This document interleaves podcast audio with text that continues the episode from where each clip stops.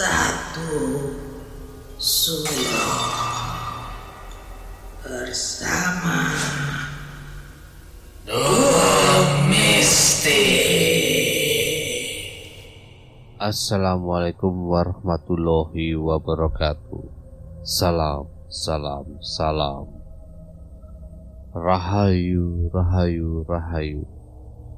Malam ini satu suro activity memberikan cerita episode spesial Misteri keberadaan Almanak Kutukan.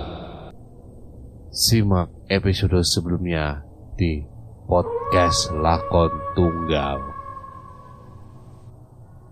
Eki menyalakan tape dan mendengarkan musik dangdut koplo sambil merenung di kamar tidurnya.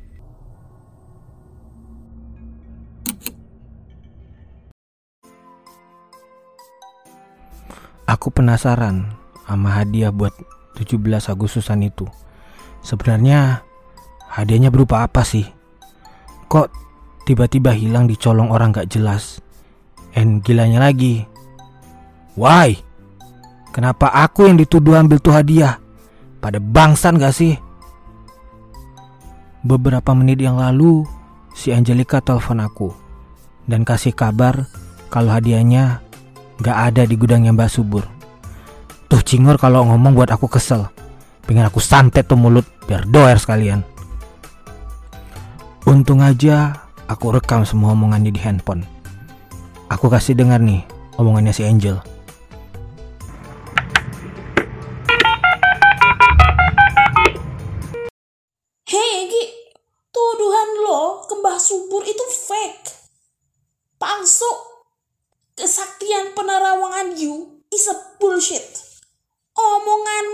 Blegedes. Heh, Ci, be careful with your mouth. Penerawangan aku gak pernah salah, gak pernah meleset ya. Please deh. Enough. Enough Egi dengan whatever you punya penerawangan. I have no trust with you. Oke, bye.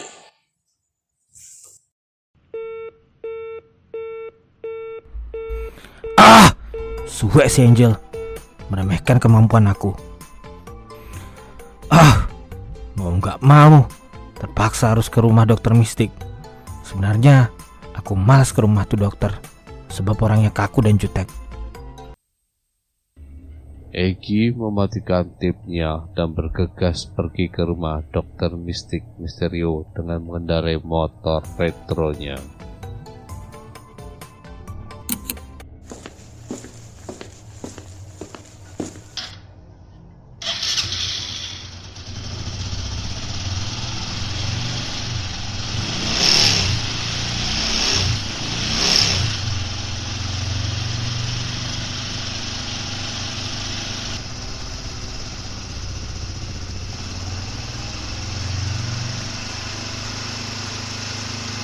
Egi tiba di kediaman dokter mistik Misterio.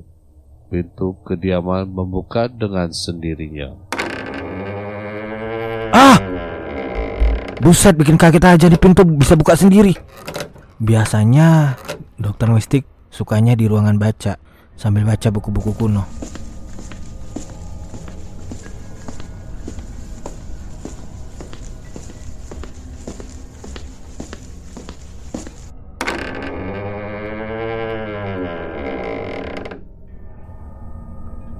Tumben Egi, ada apa datang kemari? Ah, anu, apa kabar dokter? Wes, ora usah basa-basi, pakai apa kabar? Eh, iya dokter. Anu, Egi mau minta tolong dokter mistik soal itu. Wes, wes, aku sudah paham. Kamu datang ke sini pasti ada masalah toh? Dokter, saya frustasi.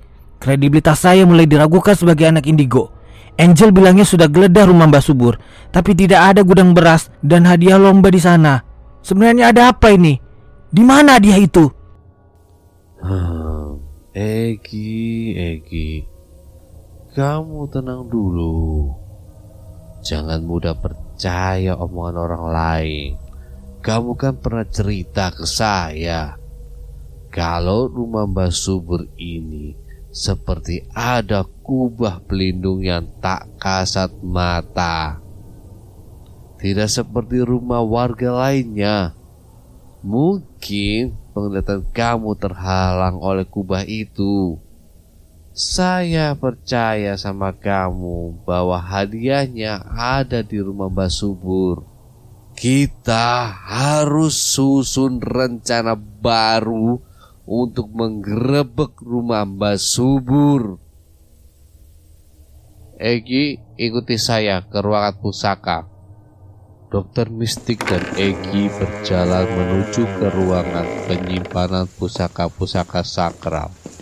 Dalam ruangan tersebut, Dokter Mistik membuka sebuah lemari penyimpanan dan mengambil sesuatu. Benda apa itu dokter? Ini adalah boneka kodam leluhur. Saya akan memasukkan kodam leluhur penjaga desa dalang ke dalam boneka ini. Ih, serem. Dasar penakut. Baiklah, aku akan memulai membaca mantra. Khususon rohi jabang bayi kodam leluhurku Putumu jenenge Eki ono perlu. Sejenak seperti ada hembusan angin dan masuk ke dalam boneka kodam leluhur. Hmm. Ono iki aku ditimbali. Mbah Kung, Iki si Eki minta tolong membutuhkan sebuah informasi perihal hadiah 17 Agustus itu berupa apa dan siapa pelakunya yang mengambil. Hmm, hmm, hmm. Biarkan benda itu menghilang dan tidak ditemukan karena benda itu membahayakan uh, membahayakan bagaimana Mbah Kung? Dengarkan baik-baik putuku Eki. Benda itu adalah sebuah kitab kuno peninggalan calon arang yang pernah dibawa oleh seorang muridnya yang bernama Ratna Nareh. Ratna Nareh kabur dari kejaran pasukan Prabu Erlangga dengan membawa kitab gulungan lontar tersebut. Ratna Nare bersembunyi memperdalam isi kitab tersebut di alas dandal. Ratna Nare menguasai gulungan lontar tersebut, membuatnya menjadi sakti mandraguna. Dan kecantikannya awet muda mempesona.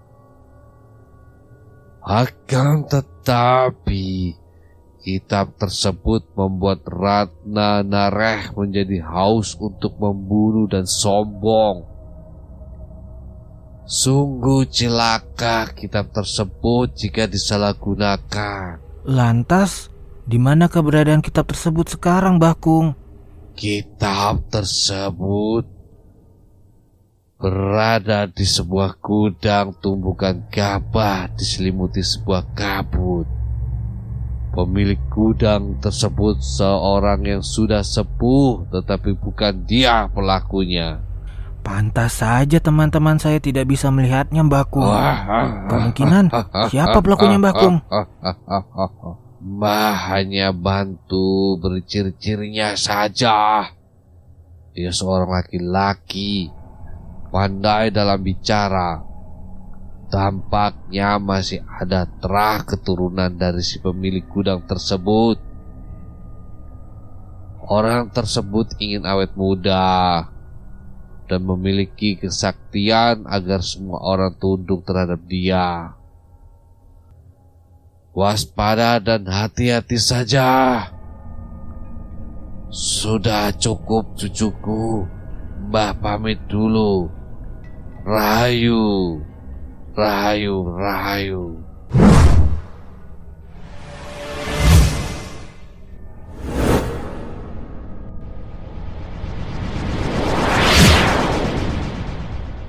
Terima kasih dokter.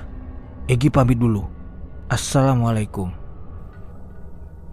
Egi bergegas meninggalkan rumah dokter mistik menuju suatu tempat untuk klarifikasi. Sementara itu, Aldi mencoba melakukan sebuah rencana jahat dan licik dengan rekannya untuk menguasai hadiah tersebut. Aldi sudah mengetahui isi hadiah tersebut. Itulah kisah dari misteri keberadaan almanak kutukan. Simak episode berikutnya di podcast Yudi.